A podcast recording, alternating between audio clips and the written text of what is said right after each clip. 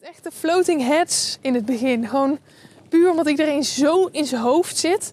En niemand luistert echt naar elkaar. Er wordt heel veel gepraat, maar amper geluisterd. Uh, en dan denk ik, ja, hoe kan je dan ooit echt tot oplossingen komen? En dit was, zou het podium moeten zijn waar het zou moeten gebeuren. Hi natuurliefhebber, super leuk dat je luistert naar deze podcastwandeling. Ik ben Femke Pluim, branding expert voor duurzame ondernemers en verliefd op onze mooie wereld. Met deze podcastwandelingen neem ik je mee de natuur in, want wat blijkt, hoe vaker we onszelf in de natuur begeven, des te sterker de band met moeder aarde. In deze wandelingen word ik vergezeld door duurzame ondernemers die alle hun steentje bijdragen aan het behoud van deze mooie wereld. Zij zullen ons inspireren en activeren in onze tocht naar een duurzaam leven. Of je nou op zoek bent naar een wandelmaatje in je oor, vanuit je kantoorstoel de natuur wilt beleven, of je wilt laten inspireren door bijzondere verhalen, je bent van harte welkom. Leuk dat je luistert en laten we gaan hiken! Het is de laatste aflevering van seizoen 1 van de podcastwandelingen en die bewandel ik met niemand minder dan Eefke van der Wouw. Eefke is een van de meest inspirerende vrouwen die ik ken. Ze laat haar acties compleet voor zich spreken, maar in taal is ze ook behendig. En dat hoor je terug in deze podcast. Eefke is duurzaam activist, twee jaar lang jongerenvertegenwoordiger omtrent duurzame ontwikkeling voor de Verenigde Naties geweest en tegenwoordig werkzaam bij NGO Get It Done. Tijdens deze wandeling in de mooie Kaamse bossen vertelt ze ons over haar ervaringen bij de klimaatcongressen, de mentale druk die bij een duurzaam leven komt kijken en over verzoening. Een prachtige, openhartige aflevering om dit seizoen mee af te sluiten. Trek nog even je wandelschoenen aan en ga met ons mee op pad. Geniet ervan! Hi Eefke, superleuk dat jij vandaag met mij hier wil wandelen in de Kaamse bossen. Super mooie bossen als ik om me heen kijk. Veel naaldbomen wel. Mooie blauwe lucht, zonnetje, dus perfecte dag. Heerlijk, heerlijk. Thanks dat ik er mag zijn vandaag. Natuurlijk. Hoe is het met je? Nou, vandaag, hoe is het met mij vandaag? hoe is het met jou uh, vandaag? Goed. Heel goed. Het is lang geleden dat ik in de bossen ben geweest. Dus ik ben heel blij om daar even uit te zijn. Even in de natuur te wandelen. Met jou natuurlijk. Nou, dat is leuk om te horen. Nou, voor iedereen die luistert, Eve en ik uh, kennen elkaar al een hele tijd. We hebben samen gestudeerd. We zijn sinds die tijd uh, vriendinnen. En ik heb Eefke vandaag uitgenodigd omdat zij, nou ja, zolang ik haar ken, altijd al hele bijzondere dingen heeft gedaan. Dat laat ik er even zelf vertellen. Dus gelijk een bruggetje. Kun je even vertellen wie je bent en wat je zoal doet? Ik voel me helemaal vereerd met zo'n intro. Oké, okay, wie ben ik en wat doe ik? Oké, hele grote vraag. Ik ben dus Eefke, Eefke van der Wouw. En uh, zoals Fem zei, we kennen elkaar van de studie. Ik ben na de studie die we samen hebben gedaan, eigenlijk in heel veel verschillende mooie dingen gerold. Ik rol altijd overal maar in. Maar misschien zijn leuke dingen om te vertellen wel. Uh, dat ik twee jaar jongerenvertegenwoordiger ben geweest op het gebied van duurzame ontwikkeling naar de Verenigde Naties toe. Dat is echt een mega lange titel. Maar dat is wel wat het was. Uh, heel bijzonder, echt midden in de internationale klimaatbeweging gestaan. De jongerenstakingen, de politiek, de diplomaten. Drie weken opgesloten gezeten in zalen zonder zonlicht, zeg maar. Uh, heel heftig, maar ook echt een hele mooie ervaring. En vanuit daar nog steeds uh, als klimaatactiviste eigenlijk actief. En ja, het, heel tof dat we nu aan het wandelen zijn. Want ik heb net als Femke hier ook ooit eh, de Camino gelopen na de studie richting Santiago de Compostela. Dus ja. En wie ben ik verder? Ik weet niet, wil je nog iets weten over mij? Uh, volgens mij ben ik zelf niet zo heel extreem interessant. Natuurlijk wel. Nou ja, ik denk dat jouw acties wel heel erg voor jou ook spreken. Je bent een heel actiegericht persoon en alles wat je doet komt recht uit het hart je zegt dat je overal inrolt, maar je hebt er ook wel heel hard voor gewerkt altijd. Ja, dus, dat is ook uh, zo. Ja, zeker.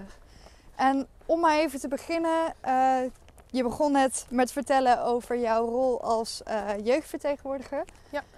Hoe was het voor jou om je in die wereld te begeven? Want je zat hè, bij de Verenigde Naties natuurlijk en alle congressen en zalen waarin gesproken werd. Maar aan de andere kant begeef je ook in de wereld van die kinderen die je spreekt. Hè, waarvoor je de vertaalslag moet maken. Ja.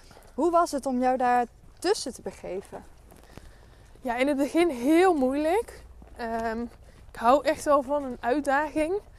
Maar ik ben echt totaal geen politiek persoon. En daar bedoel ik niet mee dat het me niet interesseert. Maar vooral, ik ben echt een gevoelsmens. Eh, en dat vind ik heel erg belangrijk. Ook dat je alles uitspreekt wat er zit. Omdat ik geloof dat je anders niet tot echte oplossingen kan komen. Ehm, en ja, die hele wereld was gewoon ja, zo eh, emotieloos. Je hebt zeg maar, voor mijn gevoel, je hebt de buitenwereld en je hebt Ja. de binnenwereld die in iedereen zit, die we echt nog helemaal niet verkend hebben. Hmm. Eh, en die was daar gewoon helemaal niet. Dus eh, je had daar ook kleine eilandstaten bijvoorbeeld, die echt in wanhoop gewoon aan het vertellen waren van we moeten nu actie ondernemen. En dan heb je hele grote landen zoals Amerika of Australië of Rusland die gewoon heel veel nog aan het blokkeren zijn. Ja, vond ik heel heftig, want je ziet dan in één keer alsof het een soort spel is, zie je het in het wereldpodium uitspelen. Ja. En dan ga je daarna letterlijk eh, naar buiten, naar zo'n klimaatstaking, om met jongeren samen mee te lopen. Als jongeren zelf ook natuurlijk. Eh, en dan sta je weer tussen een hele generatie waarvan je weet, wij gaan hier allemaal mee opgroeien. Ja. En ook, weet je wat, je realiseren dat als persoon in Nederland, jonge vrouw in Nederland, ik zoveel geluk heb en privilege heb. Omdat je dan echt jongeren spreekt uit gebieden waarvoor klimaatverandering nu al realiteit is. Ja. Dus het zet heel veel dingen in perspectief. En dat ja, het duurde bij mij wel even voordat ik dat echt een plekje kon geven. En ook wist waar ik daar het beste eh, mijn eigen kracht in kwijt kon, zeg maar. Ja. Maar ik heb me echt verbaasd. Ik heb me echt zo verbaasd over die hele wereld. Ja. Ja, ik noemde het echt de floating heads in het begin. Gewoon puur omdat iedereen zo in zijn hoofd zit. En niemand luistert echt naar elkaar. Er wordt heel veel gepraat, maar amper geluisterd. Eh, en dan denk ik, ja, hoe kan je dan ooit echt tot oplossingen komen? En dit was, zou het podium moeten zijn waar het zou moeten gebeuren. Ja. En hoe hield je dan... ehm, want je zegt er wordt heel veel gesproken, maar niet naar elkaar geluisterd. Het is best wel ook pittig om te horen dat jouw vrouw, ik bedoel, jij hebt daar middenin gezeten, ehm, dat dat die realiteit weergeeft van de floating heads. Want je denkt inderdaad, wij moeten er ook allemaal maar in geloven dat het eh, daar moet gebeuren. Hè? Het moet daar, eh, dingen moeten daar doorgedrukt worden in die politiek. Eh, hoe hield jij hoop binnen die kamers? Nee, weet je, ik denk dat eh, heel veel mensen inderdaad naar de politiek kijken of naar grote bedrijven van jullie zetten die stap voor ons en daar moet het vandaan komen. Eh, ik denk dat ik ook wel een beetje zo was. En ik vind het nog steeds belangrijk dat daar echt stappen worden gezet, want het heeft echt veel impact. Maar ik heb ook wel gezien dat je je niet hoeft te vergissen in hoe groot de impact is van gewoon jouzelf als mens of mensen on the ground, om het zo maar te zeggen. Als jouw land, als de politiek binnen jouw land zegt: wij gaan niet meer meedoen met het Parijsakkoord bijvoorbeeld, wat Amerika deed, Ja, had je alsnog mensen die toch op die klimaatop waren uit Amerika, die zeiden: we're still in. Eh, Ja. Je kan het als politiek wel zeggen, maar wij kunnen ook zelf beslissen als bedrijfsleven van een land, als mensen van een land, om ons toch in te gaan zetten om eh, ja, niet per se het Parijsakkoord te halen, maar gewoon te doen wat wij kunnen doen. ja, Er is zoveel te doen en te redden nog. Dus ja, wachten op iets. Ik denk dat, daar, dat het daar niet echt meer de tijd voor is. En dat het ook niet hoeft. Dat we inmiddels genoeg mensen hebben die het zien en het begrijpen. Eh, en ook de hand willen reiken naar anderen. Eh, ja, weet je, het hoeft niet altijd zo'n polariserend debat te zijn. Het hoeft niet altijd zo ik versus jij. Heel veel, weet je, niemand vindt de plastic soep goed. Een Nee. goed idee. Nee. Niemand zegt, oké, tof, laten we daar nog wat bij gooien. Het ziet er goed uit, jongens. nee, Eh, dus laten we ook vooral kijken naar waar we het met z'n allen over eens zijn. En daar gewoon aan gaan werken in plaats van constant het debat te voeren. precies. Common ground vinden en dan gewoon actie ondernemen. Ja. Ja, en dat kan ook binnen politiek. Hè? De- daar kunnen ook. Ik, ik heb het idee, inderdaad, iedereen is zo zijn eigen hachje aan het redden hè, voor zijn eigen land, zijn eigen partij. Maar juist, het is juist heel mooi wanneer mensen eh, dingen vinden waar ze het over eens zijn. In de politiek, in het bedrijfsleven, van mens op, tot mens. En dat je dan daar gewoon de actie in gaat zetten. Ja, precies. Ja. En eh, wanneer je met die kinderen sprak, wat was dan eigenlijk het, of de belangrijkste boodschap die die kinderen aan jou vertelden? Of wat je meekreeg?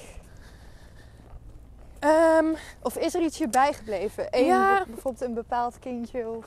ja, nou ja, er zijn wel eh, kinderen me bijgebleven, maar ik denk wat me het meest, ehm, het meest is bijgebleven is het belang van de vraag waarom. Ja. Eh, en dat is iets wat jongeren en kinderen heel goed kunnen, en wat mensen soms ook heel vervelend vinden. Weet je wel, waarom maak je soep? Ja, ik moet koken. Ja, waarom moet je koken? Ja, want eh, we moeten avondeten. Nou, waarom moeten we avondeten? Mhm. Sommige kinderen zijn zo. En eh, ik denk hoe ouder je wordt, hoe vaker je vergeet om die waarom-vraag te stellen. En dat iedereen maar gewoon wat doet. Ja. Eh, er zijn ook veel meer mensen die zomaar wat aanmodderen, die doen alsof ze weten wat ze doen, dan wij doorhebben. Heb ik daar ook heel erg gezien. Iedereen doet heel interessant en of ze weten waar ze mee bezig zijn en die zitten er ook echt wel bij. Maar het is zo belangrijk om die waarom-vraag te blijven stellen. En ik zag dat jongeren gewoon heel erg doen van ja, waarom doen we het op deze manier? Waarom leven we op deze manier? En dan hoeven zij niet het antwoord te hebben van hoe het anders kan. Maar alleen al iedereen aan het denken zetten van, oh ja, is er eigenlijk een goede reden van waarom we bepaalde dingen doen? Ja. Ja, mooi, inderdaad. En ze hoeven daar geen antwoord op te hebben, zeg je. Ehm, maar je ziet juist dat die kinderen wel in actie komen. Dus dat ze zelf eh, dingen wel oppakken. Hè? Bijvoorbeeld dat ze naar het strand gaan om plastic op te ruimen. Of Ja. eh, gaan staken. Wat maakt dan het verschil tussen kinderen en volwassenen? Dat zij het wel gewoon doen en volwassenen blijven praten. Ehm, ja, ik, ik, ik heb daar altijd, ik vind het een beetje lastig, omdat ik het heel goed vind. Alles wat iedereen doet is natuurlijk heel goed. Ja. Maar ik ben ook echt wel van mening dat het niet aan de jongste generatie is om degene te zijn die dit op gaan lossen. Ook, wij dragen er ook aan bij en wij kunnen ook onderdeel zijn van de oplossing, zeker. Ehm, maar ja, kinderen moeten gewoon kind zijn. Ja. Het is niet de bedoeling eh, dat wij, het wordt heel vaak gezegd hè, van jullie zijn de laatste generatie die dit kan oplossen. Mhm. Ja, ik weet niet, maar de mensen die het zeggen, die zelf 60 zijn, die zijn er ook nog. Ja, Dus die hebben we ook nodig. Je hebt echt die samenwerking tussen generaties nodig. Die creativiteit en die vernieuwing van de jongeren. eh, met de ervaring en de kennis van de oudere generatie. ja. En er zijn heel veel mensen die wel willen. Die wel anders willen.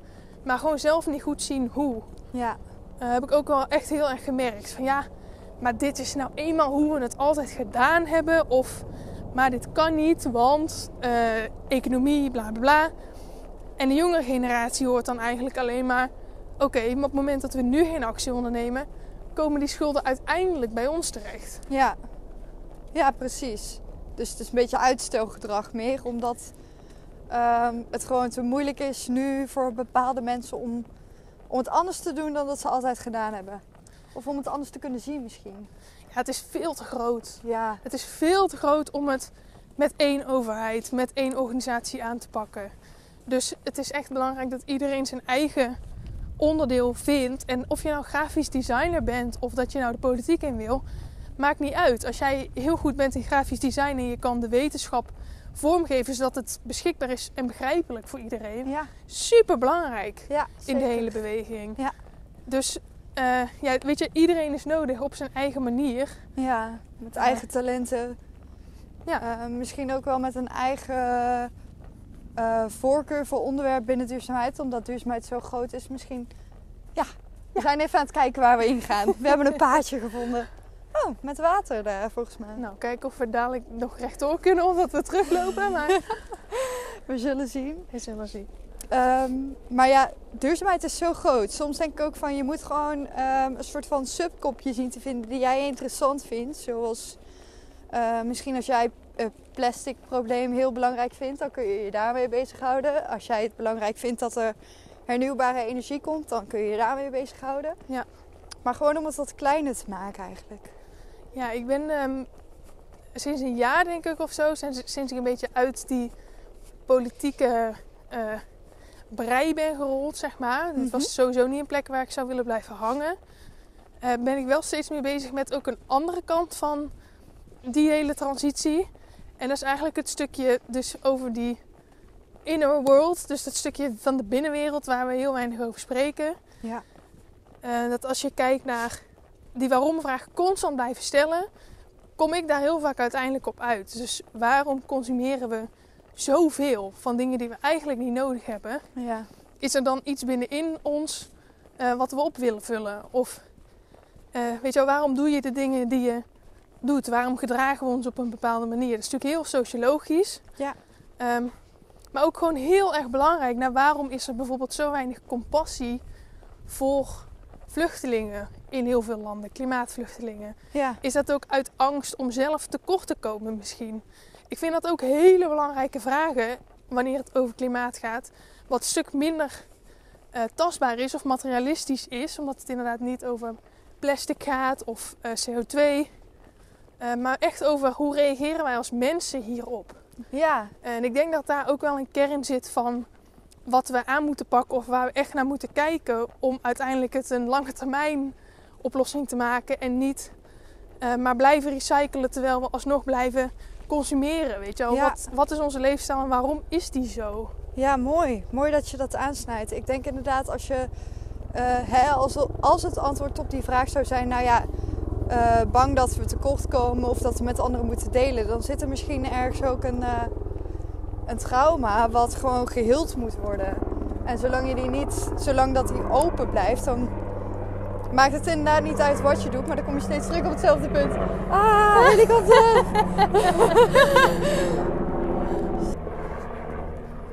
Wauw, dit ziet er mooi uit. Heel mooi. We zijn bij een soort van eh, meertje aangekomen. Ik hoop dat we er omheen kunnen lopen. Ik denk het wel. Kijk maar, ik zie het pad zo Nou, omheen gaat het zien. komen. Oh, dit ziet er echt heel mooi uit. Zeker met die blauwe lucht. Ik hoorde, hoop dat jullie de vogeltjes ook een beetje kunnen horen. Ja, meestal wel. Als ze hard fluiten, even stilstaan.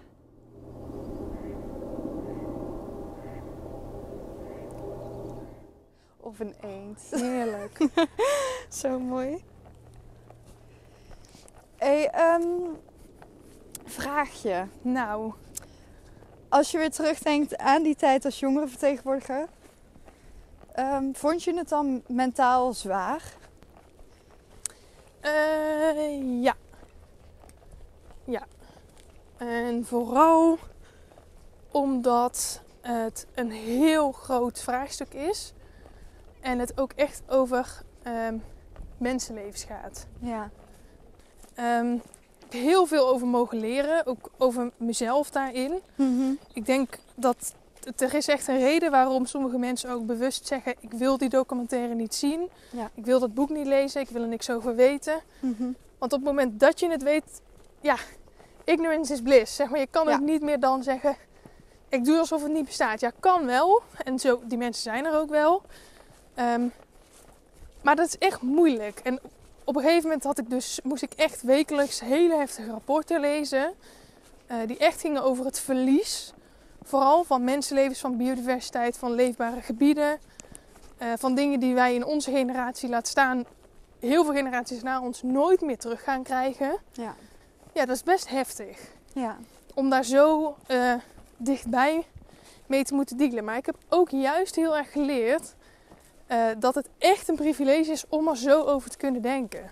Ja. Omdat ik niet een persoon ben die dus echt in zo'n gebied woont wat niet meer leefbaar is. Ja. Eh, dus ja, ik heb er echt mentaal veel last van gehad.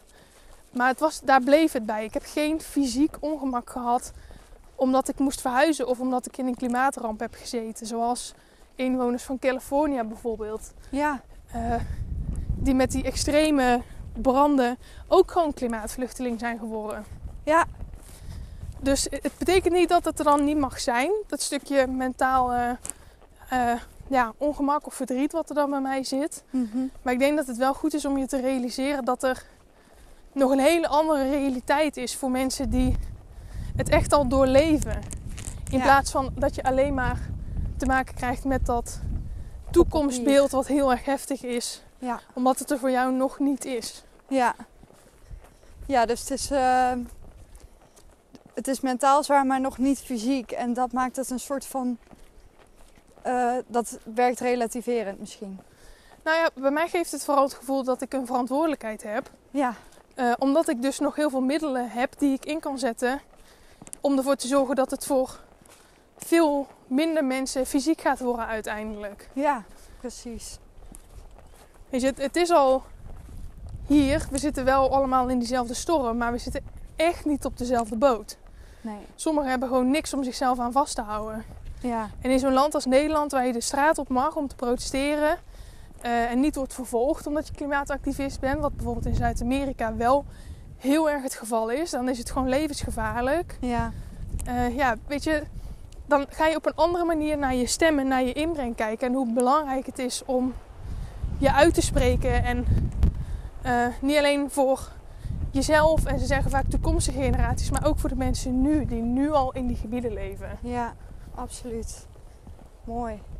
En merk je ook dat bij de kinderen waarmee je op straat liep hè, om eh, een klimaatstaking te lopen, ehm, dat die het ook mentaal zwaar hebben? Of zie je veel klimaatdepressies ontstaan bijvoorbeeld? Ehm, ja, goede vraag. Ehm, vind, ik vind het een moeilijke vraag. Vooral omdat ik het woord klimaatdepressie heel groot vind. Ja, Ik denk dat er wel heel veel jongeren zijn die ik heb gesproken in ieder geval. En daar is het stukje ook hoe meer je ermee bezig bent, hoe moeilijker het is om het een plekje te geven misschien. Mhm. Eh, die er echt heel veel moeite mee hebben. Maar dat snap ik ook helemaal als je heel de tijd hoort dat het aan jouw generatie is om het op te lossen. ja de druk Dan- wordt gewoon heel groot. Ja, die druk op die schouders weegt dan gewoon heel zwaar. Ja. Omdat je ook niet goed ziet wat je er nou eigenlijk aan kan doen. Dat het veel te groot is Mhm. om in je eentje op te lossen. Ja, waar kijk je dan naar uit? ja. Weet en je? wie? Ja, nou, het, het kan best heftig zijn. Ik heb daar wel gesprekken over gehad met jongeren. En ook zelf dat ik, dat ik merk dat ik uitkijk naar de zomer. Maar ook helemaal niet meer. Omdat het al vijf jaar op rij warmste zomer ooit gemeten is. Mhm. Ook in Nederland. Ja, het ziet op een gegeven moment gewoon helemaal geel. Het is gewoon, het is gewoon niet leuk meer. Nee. Eh, en dan denk je, oh ja, nou, is dan de komende vijf jaar. Nou, als je al die rapporten hebt gelezen van de VN en ook die verhalen van andere jongeren over de wereld hebt gehoord, is dit een beginfase. Ja. Eh, als we niet bepaalde actie ondernemen. Ja, soms is het heel moeilijk om daar dan de realiteit van te gaan zien. Ja. Ja, precies. En met die kennis van jouw ervaring en de kinderen die je hebt gesproken en de rapporten die je hebt gelezen, wat is iets wat je dan op het hart zou willen drukken van niet alleen de politiek, maar gewoon van mensen? Wat zou je mensen op het hart willen drukken? Ja, dat er nog heel veel te doen is. Ja. En ook te redden is. Eh, weet je, ja, ja, we hebben onszelf wel echt zwaar in de nesten gewerkt. Eh, sommigen meer dan anderen, of ook ten koste van anderen. Maar er is ook echt nog heel veel te doen. Het is echt een keus Ja. eh, die we samen kunnen maken. Dus het, ik ben eigenlijk ook wel hoopvol. Want de mens is, ik vind de mens niet dom, Nee, zeker niet. zeg maar. Ik vind, wij, wij kunnen heel veel. Eh, en we kunnen, weet je, onze impact is heel groot, maar die impact kan dus ook heel groot positief zijn. Ja. Als we daarvoor kiezen. Ja. Eh, dus het stemt me wel heel erg hoopvol. En ik zie ook wel dat er echt een soort van massabewustwording gaande is. Wat ook wel zorgt voor massaconfrontatie. Want ja, eh, als je jezelf in de spiegel aan moet kijken om te zien dat sommige dingen eigenlijk helemaal niet echt werken Ja. dan kan dat best wel confronterend zijn. Maar het is er wel. Het is echt in steeds meer hoeken waar ik ze ook niet zou verwachten. Eh, bij familie en vrienden bijvoorbeeld. Dat ik denk, oké, je bent ermee bezig, interessant, leuk. Weet je wat, gesprek is er. Ja, misschien, ik denk ook, ehm, tenminste dat merk ik heel erg in mijn kring en ik weet zeker jij ook in jouw kring, dat mensen je ook opzoeken omdat ze weten dat jij er veel mee bezig bent. En dan gewoon uit zichzelf vragen gaan stellen. Ja, ja en dan dat vind ik ook altijd heel grappig, want dan is het... Oh ja, sorry, ja, hier scheiden we geen afval. En dan heb ik helemaal niks gezegd. Ja. Eh, of ja, ik heb ook een eh, vegetarisch gerecht besteld. Heb ik ook nog helemaal niks gezegd. Maar daar moet ik dan altijd heel erg om lachen. Maar dan denk ik, ja, als je er op die manier toch mee bezig bent, is ook wel heel leuk. Mhm. Weet je, laten we het vooral geen eh, wedstrijdje maken of elkaar afstraffen op het Zeker moment dat niet. iemand iets niet kan. Want je weet ook niet hoe het leven van iemand eruit ziet en wat voor keuzes die persoon kan maken. Maar vooral elkaar erbij helpen en motiveren om eh, toch die stapjes te zetten. En daarbij natuurlijk ook overheden en bedrijven stappen te laten zetten. Want het Ja. is niet alleen individu, maar het zijn wel de individuen achter die overheden en bedrijven die we misschien wel kunnen bereiken. Precies. Ik denk als iedereen al een keertje eh, hè, iets over het thema laat vallen bij een bedrijf of bij een ehm, ja, politieke organisatie waar ze ook mee in aanraking komen, hoe vaker ze terug horen, hoe ja, groter het belang is voor hen om er ook iets mee te doen. Ehm, in een van de eerdere podcastwandelingen liep ik met eh Roel van Mojo Notebooks. Zij maken eh, boekjes van steenpapier. Oh ja, ja ken ik En hij wel. vertelde dat hij dus eerst zo'n boekje alleen voor zichzelf had gekocht toen hij nog bij een bank werkte. En dat eh, andere bankmedewerkers dus aan hem vroegen van... hé, hey, wat heb jij voor boekje? Wat leuk, wat goed. Toen werd de dialoog al geopend. Ja. En zo kun je dus ook verandering teweeg brengen. Gewoon puur door kleine dingetjes te laten zien hoe jij dingen aanpakt of het een keertje te noemen. Ja. Ja, sterk. Heb jij ook tips voor mensen? ehm, kleine dingen waarmee, die ze nu al kunnen doen waarmee ze een verschil kunnen maken? Toen net had je het over een Mm. beach clean- clean-up bijvoorbeeld. Ja. Eh, ja, ik- aan de ene kant, ik heb heel veel... Ik zou heel veel tips kunnen hebben. Mhm. Ehm, maar ik denk de belangrijkste is net iets abstracter. En die is een beetje overkoepelend voor mijzelf ook. En ik heb gemerkt dat het heel veel mensen helpt. Is dat je als je kijkt naar wat de wereld nu bijvoorbeeld nodig heeft. Is het heel erg ook de verbinding. Luisteren naar elkaar. Ja. compassie, empathie voor anderen en alles Mm. wat leeft. En daar kan je op heel veel verschillende manieren ook aan bijdragen. Zeker. Eh, weet je wel, die apathie van hoe de klimaatcrisis is ontstaan, die bevecht je eigenlijk met een soort van compassie. Liefde, Ja, en verbinding. dat klinkt dan vaak heel zweverig, maar dat is het helemaal niet. Nee, Ben er voor je buren, ben er voor de, voor de mensen om je heen. Eh, doe een keer iets aardigs voor iemand. Daar zit ook die transitie in. Ik denk dat die ook heel erg belangrijk is. zeker. Zeker. Ja, heel mooi. Mooie boodschap inderdaad.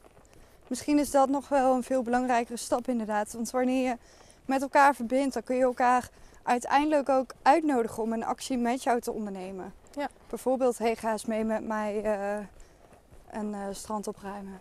Hey. Of eh, kom lekker bij me eten en dan een vegetarisch gerecht op tafel zetten. Nou, Dat soort dingen maken het verschil al. Hey, en ehm, nou ja, je bent nu jonge vertegenwoordiger af. Je hebt het stokje doorgegeven. Ja, gewoon even weer. Yes. maar dan ga je op zoek naar een baan. En ik was wel heel erg benieuwd.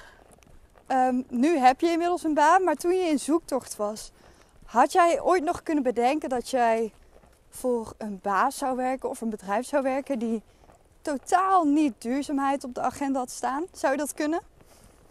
Eh, nee. Nee, ik zelf niet. Ik ken ook veel mensen die er wel veel met duurzaamheid bezig zijn en dan ervoor kiezen om bij zo'n bedrijf te gaan werken om het van binnenuit te veranderen, zeg maar. Snap ik ook. Maar Ja. ik zelf niet. Gewoon puur, want als je er zoveel mee bezig bent, ja, het laat je gewoon niet meer los. Ik denk niet dat ik, weet je, misschien ga ik ooit wel totaal een andere baan doen, maar er niet meer mee bezig zijn gaat voor mij gewoon niet op. Nee. Eh, omdat je gewoon te veel weet al. ja, Dus het zal in alles wat ik ga doen uiteindelijk wel terugkomen, denk ik. je handen beginnen ervan te jeuken. Je moet het gewoon- Helemaal. Ja, moet Ja. er gewoon uit. En nu ben je begonnen bij Get It Done. Ja. De organisatie. In Amsterdam. Wat ga je daar allemaal doen? Ja, daar helpen we eigenlijk mensen eh, aan de ene kant te ontdekken wat ze zelf te geven hebben. Dus waar ligt jouw puzzelstukje? En dan die drempel over om ook echt iets te doen voor een ander. Want er zijn heel veel mensen die iets willen doen, maar gewoon niet goed weten wat of waar te beginnen. Ja. Eh, er is zoveel. eh, en er is zoveel te doen eh, waar we al die handen op in kunnen zetten. Dus dat doen we eigenlijk met Get It Done. Die laatste puzzelstukjes leggen daarin. om echt anders naar dingen te kijken en samen zo'n geefsamenleving te creëren.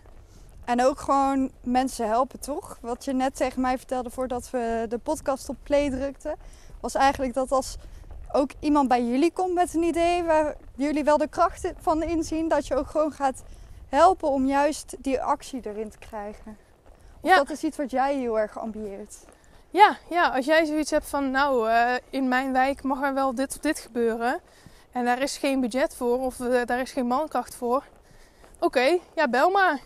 Gaan we kijken hoeveel mensen we kunnen regelen, gaan we het gewoon fixen. Ja, Ja, top. het is niet voor niks it done natuurlijk. Nee, oh, geweldige mentaliteit. ja.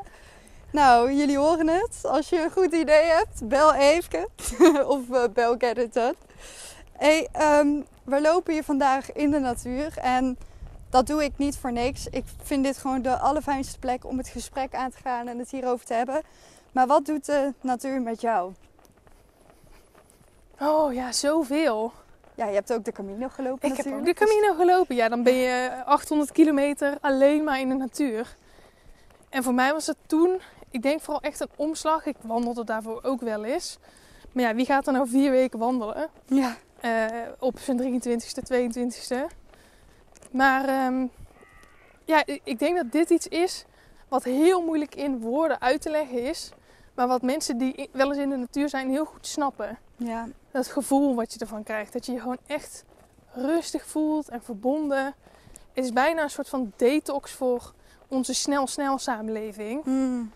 Eh, en voor mij is die connectie ook gewoon echt heel erg belangrijk. Ik heb geen flauw idee wat de namen van de bomen zijn. Of van de vogels. Vind ik oprecht heel erg jammer. Maar blijkbaar maakt het niet eens uit dat ik die bepaalde kennis niet heb. nee. Ik heb wel die ervaring van er gewoon in zijn en me ermee verbonden voelen. En dat is echt geen kumbaya en boomknuffelen. Dat is gewoon echt heel goed voor je. Ja. Helemaal met eh, zoveel stress en al die e-mails en Mm. weet ik het allemaal. Gewoon even terug naar jezelf ook. Ja, dat is fijn hè? Heel fijn. Wat je, wat je zei over die tijd, dat het de tijd een soort van lijkt te onderdrukken, iets langzamer laat gaan in deze snelle samenleving. Helemaal mee eens, want het bos gaat ook gewoon veel langzamer. Tijd wordt hier heel anders uitgedrukt. Ik bedoel, een boom van 70 jaar is een puber. Ja. Of eigenlijk nog een peuter misschien wel. Dus je mag hier ook gewoon het tempo van het bos aannemen. Misschien is dat ook wel heel fijn dat je gewoon mag zijn in een lager tempo. Ja, mooi hoe je het zegt. If that makes sense. Ja, makes sense. Wat zijn de dingen die je in de natuur doet, maar nergens anders? Eh, zomaar ergens gaan zitten plassen. nee, dat is het eerste wat, waar ik aan moet denken. Maar dat mag gewoon, hè. Mensen, als je luistert, je mag gewoon, in, ook in Nederland, in de natuur, mag je gewoon plassen. Ik wist het niet namelijk. Ja. Ehm, alleen niet binnen de bebouwde kom. nee, niet binnen de bebouwde kom zou ik ook niet proberen. maar eh, nee, die ik in de natuur doe, die ik anders niet zou doen. Eh, poeh, Nou, ik vond het wel een valid antwoord eigenlijk ook. Gewoon een plas houden. Ja, Ja, why not? ja. Lekker toch? en dagen, dagen wandelen. Doe je ook niet in een dorp. Nee, nee, dan houdt het al Nee. heel snel op. Daar ben je binnen een uur eh, ben je daar doorheen, denk ik. Dat denk ik ook. Ja. Of je moet de hele tijd rondjes lopen. Oh, nee, wacht. Ik weet het. Dit is hem. Wat ik in de natuur doe en wat ik merk dat andere mensen ook doen, wat ik in de stad echt minder doe, is hooi zeggen tegen andere mensen. Oh, wat mooi. Mensen groeten. Ja. Dat is echt iets. eh, ik doe het automatisch als ik ga wandelen, gewoon heel veel. En ik merk andere mensen ook. En in de stad doe je net of je elkaar dan niet ziet. Alsof je geen zin hebt om die verbinding te maken. En hier is het gewoon: hoi, goedemiddag. Mensen die lekker op een bankje zitten. Ja dat, Ja. dat is wel heel bijzonder. En op de Camino zeggen we natuurlijk: Buen camino. Buen Camino. Goeie reis. Ja, daar is het zelfs een soort van uitdrukking geworden. Hè? Dan, als je elkaar niet groet met dat woord, dan is het Ah, gewoon dan ben je echt een lompe pelgrim hoor, als je Ja. dat niet doet. Ja, of ze denken, hè, wat, doet, wat doe jij hier? Ben je zeker een dagje op, eh, op de Camino of zo? Ja. Mooi. Hey, ehm, ik vond het een heel mooi gesprek, maar ik wil eigenlijk nog even afsluiten met een spelletje. Oh jee, oké. This or that. Oké, nou, kom maar op. Dus gewoon vanuit je eerste gevoel antwoorden. Ja. Je hebt één wildcard trouwens. Die heb ik erin gezet, want heel veel mensen willen meerdere wildcards gebruiken. Je hebt maar één. Oké. Oké, ik ga proberen die niet te gebruiken. Ik ben heel streng. Oké, komt ie. Ja. Groen in de stad of grotere bossen? Grotere bossen. Footprint compenseren of footprint reduceren? Footprint reduceren. Winter of zomer? Zomer. Naald of loofbos? Loof. Een BV of een NGO? Een NGO. Impactgedreven of winstgedreven? Ja, oh, impact gedreven. Niet je wildcard hierin zetten. Oké. Tweedehands kleding of vegetarisch dieet? Oeh. Oh shit. Eh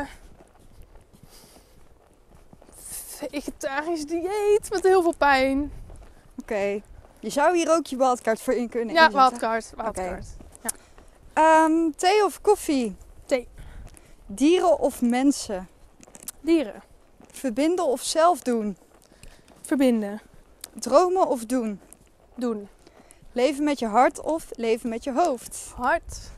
Verre culturele reis met het vliegtuig of dicht bij huis op vakantie? Dicht bij huis. Oké, moestuin voor jezelf of weideplanten voor de bijen? Een moestuin. Oké. De laatste, bewustwording of handelingsperspectief bieden. Oh man. Oh, ik heb mijn wildcard al ingezet. Ehm, ik ga dan voor handelingsperspectief, omdat die bewustwording er al heel veel is. En ik heb het gevoel dat die wel doorcijpelt Ja. uiteindelijk. En dat er nu behoefte is aan wat dan wel. Oh, mooi. Heel goed. Nou, dat was hem, Eve. Oeh, ben ik geslaagd? Zeker weten. Nee, ik vond het echt heel erg leuk dat jij eh, dit met mij wilde doen. Als klapper op de vuurpijl, want je bent natuurlijk de laatste aflevering van dit seizoen. Ja. Super mooi, hele wijze woorden. En ehm, nou ja, in de toekomst gaan we nog heel veel van Eefke horen mensen. Dus hou haar in de gaten. Waar kunnen mensen jou vinden als ze geïnspireerd zijn geraakt of met je willen werken of met Get It Done? Ehm, als je gewoon mijn naam intikt, dan kan je me vinden. Eefke van de Wouw. Niet van der, niet van de wilde. Eefke van de Wouw. En dan Met kom je... Otje Auw. Ootje Auw. Dan kom je vanzelf bij mij terecht. Kijk, Thanks. Hele duidelijke taal. Hey, heel erg bedankt. En ook de luisteraar bedankt voor het luisteren natuurlijk. Mocht je deze podcast heel erg interessant vinden, deel hem dan vooral met vrienden, familie, kennissen. Ehm, volg de podcast op Spotify of geef het een paar sterren in iTunes. Dan zou ik je eeuwig dankbaar zijn, want eh, zo kunnen meer mensen de podcast vinden. En dan kan ik het natuurlijk eh, blij bij blijven maken. Dus heel erg bedankt en tot het volgende seizoen. Joep. Doei. doei doei!